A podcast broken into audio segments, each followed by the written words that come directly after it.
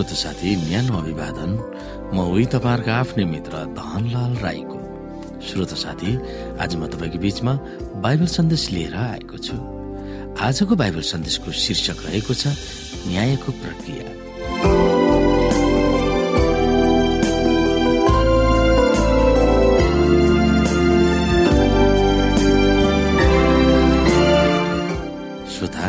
यस न्यायको प्रक्रिया भन्ने बाइबल सन्देशमा हामीले विशेष गरी अध्ययन गर्नुपर्ने बाइबल पदहरू रहेको छ।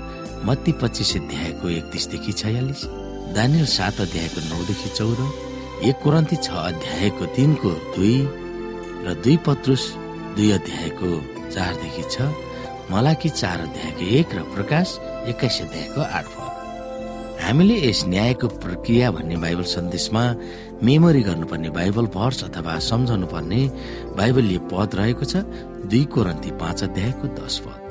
यहाँ लेखिएको छ किनकि हामी सबै ख्रिस्टका न्याय आसनको सामुन्ने खडा हुनुपर्छ। यसरी शरीरमा हुँदा आफूले गरे बमोजिम हरेकले असल वा खराब प्रतिफल पाउनेछ। श्रोता एउटा कुरामा बाइबल स्पष्ट छ त्यो हो न्यायको वास्तविकता। परमेश्वरले संसारको न्याय गर्नुहुनेछ। दुवै पुरानो र नयाँ करारमा भएका धेरै पदहरूमा न्यायको बारेमा स्पष्ट धारणा छ। यस संसारमा न्यायको अभाव छ तर एक दिन सबैको न्याय हुनेछ। परमेश्वर ज्ञानमा सिद्ध हुनुहुन्छ र उहाँलाई सबै थोक थाहा छ। अर्थात् सर्वज्ञानी सर्वव्यापी भनेर एक हुन्न तीन अध्यायको बिचले बताउँदछ। त्यति मात्र होइन मानिसका भित्री गोप्य नियत सोच विचार र योजनाहरू परमेश्वरलाई थाहा हुन्छ। हामी सबैबाट लुक्न सक्छौँ र सबै कुरा लुकाउन पनि सक्छौँ। तर परमेश्वरबाट हामी केही पनि लुकाउन पनि सक्दैनौँ र लुक्न पनि सक्दैनौँ। प्रत्येक मानिसको जीवन थाहा पाउन परमेश्वर आफैले आफैको मूल्याङ्कन गर्न आवश्यक छैन। स्वर्ग र पृथ्वीमा भएका सबै जीवहरूलाई न्याय गर्ने परमेश्वरको शासन प्रणालीको एक भाग हुन गएको छ। न्याय गर्ने प्रणाली जगत र संसारको इतिहास आवश्यक भयो किनभने लुसिफरले स्वर्गमा विद्रोह गर्यो र त्यो विद्रोह यस पृथ्वीमा फैलिन पुगेको थियो। यो कुरा हामी प्रकाशको पुस्तक बाह्र अध्यायको सातदेखि नौमा हेर्न सक्छौ। अनि स्वर्गमा लडाई भयो। मिखायल र तिनका दूतहरूले त्यस अजिङ्गरसँग युद्ध गरे। अजिङ्गर र त्यसका दूतहरूले पनि युद्ध गरे। तर यिनीहरू हारे। र यिनीहरूका निम्ति स्वर्गमा कुनै ठाउँ रहेन। त्यो ठुलो अजिङ्गर तल फालियो। त्यो प्राचीन सर्प हो जो सारा संसारलाई बहकाउने दियावलस वा शैतान हो। त्यो पृथ्वीमा फ्याँकियो र त्यसका दूतहरू त्यसका साथसाथै फ्याँकिए। यहाँ हामी अलिकति दसमा पनि हेरौँ। तब मैले स्वर्गमा यसो भनिरहेको एउटा ठुलो आवाज सुने। अब हाम्रा परमेश्वरको मुक्ति शक्ति राज्य र उहाँका क्रिसको अधिकार आएको छ। किनकि हाम्रा भाइहरूलाई दोष लगाउने जसले हाम्रा परमेश्वरको सामुन्ने तिनीहरूलाई दिनरात दोष लगाउँछ त्यो तल फ्याँकिएको छ।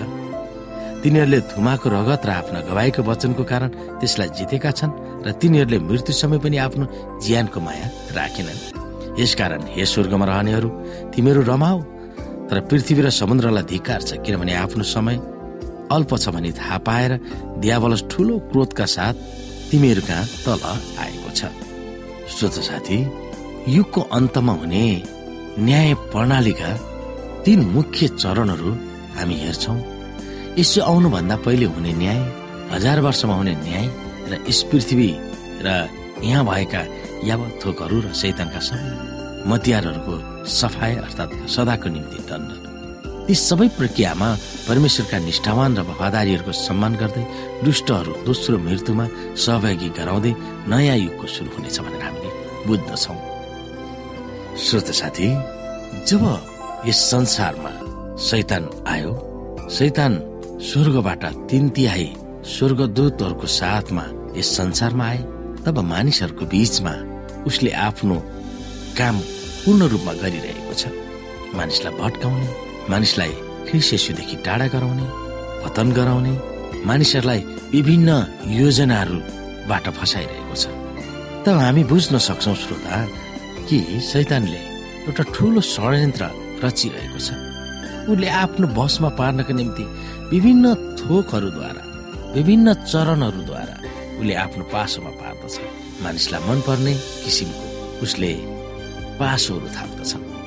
हामी बुझ्न सक्छौँ श्रोता जसरी एउटा मानिसले आफ्नो शिकारलाई कसो गर्दा आफ्नो हातमा पर्छ ती किसिमका चारहरू देखाएर उसले आफ्नो स्वार्थ पुरा गर्न सक्छ। त्यस्तै आज पनि शैतानले हामीलाई विभिन्न किसिमको चारहरू हालिरहेका छन्। मानिसहरू त्यसमा फसिरहेको छ तपाईँको बिचमा म एउटा छोटो कथा भन्न चाहन्छु श्रोता। एकजना सिकारी थियो अथवा बेदा थियो उसले सधैँ चराहरूलाई मारेर आफ्नो स्वार्थ पुरा गर्ने गर्थ्यो र उसले जाल थापेर आफ्नो जालमा चराहरूलाई पारेर ल्याउने र बजारमा लगेर बेच्ने र आफ्नो गुजारा चलाउने गर्थ्यो। त्यो पापी ब्यादाको कामलाई देखेर एक दिन धार्मिक मानिसले उसको चरालाई जालमा पार्ने जुन रहस्य थियो त्यो हेरिरहेको थियो। उसले के गर्थ्यो भने चरालाई जाल थाप्थ्यो चारो हाल्थ्यो र चराहरू त्यो चारो खानको लागि जब जालभित्र जान्थ्यो र उसले पोका पारेर ती चराहरूलाई ल्याएर घरमा उसले बेचबिखन गर्ने गर्थ्यो। तब त्यो धार्मिक मानिसलाई त्यो आश्रय भएको थियो र उसले यो सोचे कि एउटा चरालाई मैले यी कुराहरू सिकाउनु पर्छ र हरेक चराहरू बाँच्नु पर्छ भनेर उसले एउटा चरालाई लिएर गयो र ती धार्मिक मानिसले ती चरालाई महिनौसम्म एउटै शब्द सिकायो कि उसले भन्न सिकायो सिकारी आउँछ झाल फिजाउँछ झारो थाप्छ चारा खानु नजानु। उसले यी कुरा बारम्बार दोहोऱ्याइरह्यो र ती चराले जसले धार्मिक मानिसले भने अनुसार नै ती चराले सिक्यो त्यो बोली। उसले के भन्यो? सिकारी आउँछ झाल फिजाउँछ चारो थाप्छ चारा खानु नजानु। जब उसले पूर्ण रूपमा बोल्न सक्ने भयो ती धार्मिक मानिसले ती चरालाई फेरि त्यही जङ्गलमा लगेर छोडिदियो। र ती चराले उसले सिकेको भाषा त्यहाँ प्रयोग गर्न थाल्यो र धेरै चराहरूको बीचमा उसले भन्न थाल्यो सिकारी आउँछ जाल फिजाउँछ चारो थाप्छ चारा खानु नजानु। फेरि पनि त्यसले भन्न लाग्यो सिकारी आउँछ जाल फिजाउँछ चारो थाप्छ चारा खानु नजानु सबै चराहरूले सिके ती भाषा सबै चराहरूले त्यसै भन्न लाग्यो तर एक दिन ती सिकारी फेरि पनि गयो जाल फिजाउनको निम्ति तर त्यतिखेर ती चराहरू भनिरहेका थिए सिकारी आउँछ जाल फिजाउँछ चारो थाप्छ चारो था खानु नजानु ती सिकारीलाई बडो धर्म सङ्कट भयो कि सबै चराहरूले अब त मेरो भाषा बुझेछन् मैले गर्न लागेको काम थाहा पाएछन्। त्यही पनि उसले आफ्नो जाल फिजायो। फेरि चारो थाप्यो। तर केवल ती चराहरूले ती भाषा मात्रै सिके। व्यवहारमा उतार्न सकेको रहेनछ सबै चराहरू सिकारी आउँछ जाल फिजाउँछ चारो थाप्छ चारो खानु नजानु भन्दै ती जालभित्र आएर चारा खान थाले। तब उसलाई थाहा भयो तर यिनीहरू चाहिँ यो भाषा मात्रै प्रयोग गर्दो रहेछ व्यवहार रहन्छ भनेर उसले फेरि दैनिकी रूपमा उसले आफ्नो काम सुरु गरे। जब चराहरू जालभित्र छिर्दै थिए तब पनि भन्दै थिए सिकारी आउँछ जाल फिजाउँछ चारो हाल्छ चारो खानु नजानु तब ती सिकारीले फेरि ल्याएर ती चराहरूलाई सदाको जस्तै बेच्न थाले। श्रोत साथी यो कथाले के भन्नु खोजेको छ भने संसारमा पाप छ शैतानले पाप ल्यायो। हामीलाई थाहा छ त्यो कुरा। तब हामी पूर्ण रूपमा परिवर्तन हुनुपर्ने हो। जसरी हामीले सिक्यौँ ख्रिस्यसुमा उद्धार छ भनेर। तर शैतानले आज पनि तपाईँहरूलाई फेरि जाल थापिरहेको छ। हामी त्यही फस्न पुग्छौँ।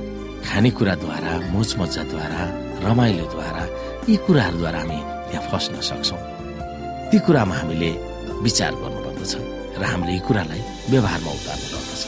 ताकि शैतान भनेको के हो र उसले हामीलाई कुन थोकहरूद्वारा उसको मतियार बनाउँछन् र हाम्रो दोस्रो मृत्युमा हामी कसरी सहभागी हुँदैछौँ अथवा हामी शैतानको जालमा कसरी फस्दैछौँ भन्ने कुरा हामीले ती कुरामा हामी सजग हुनुपर्दछ। श्रोत साथी आजको लागि बाइबल सन्देश यति नै। हस्त नमस्ते जय मसिंह।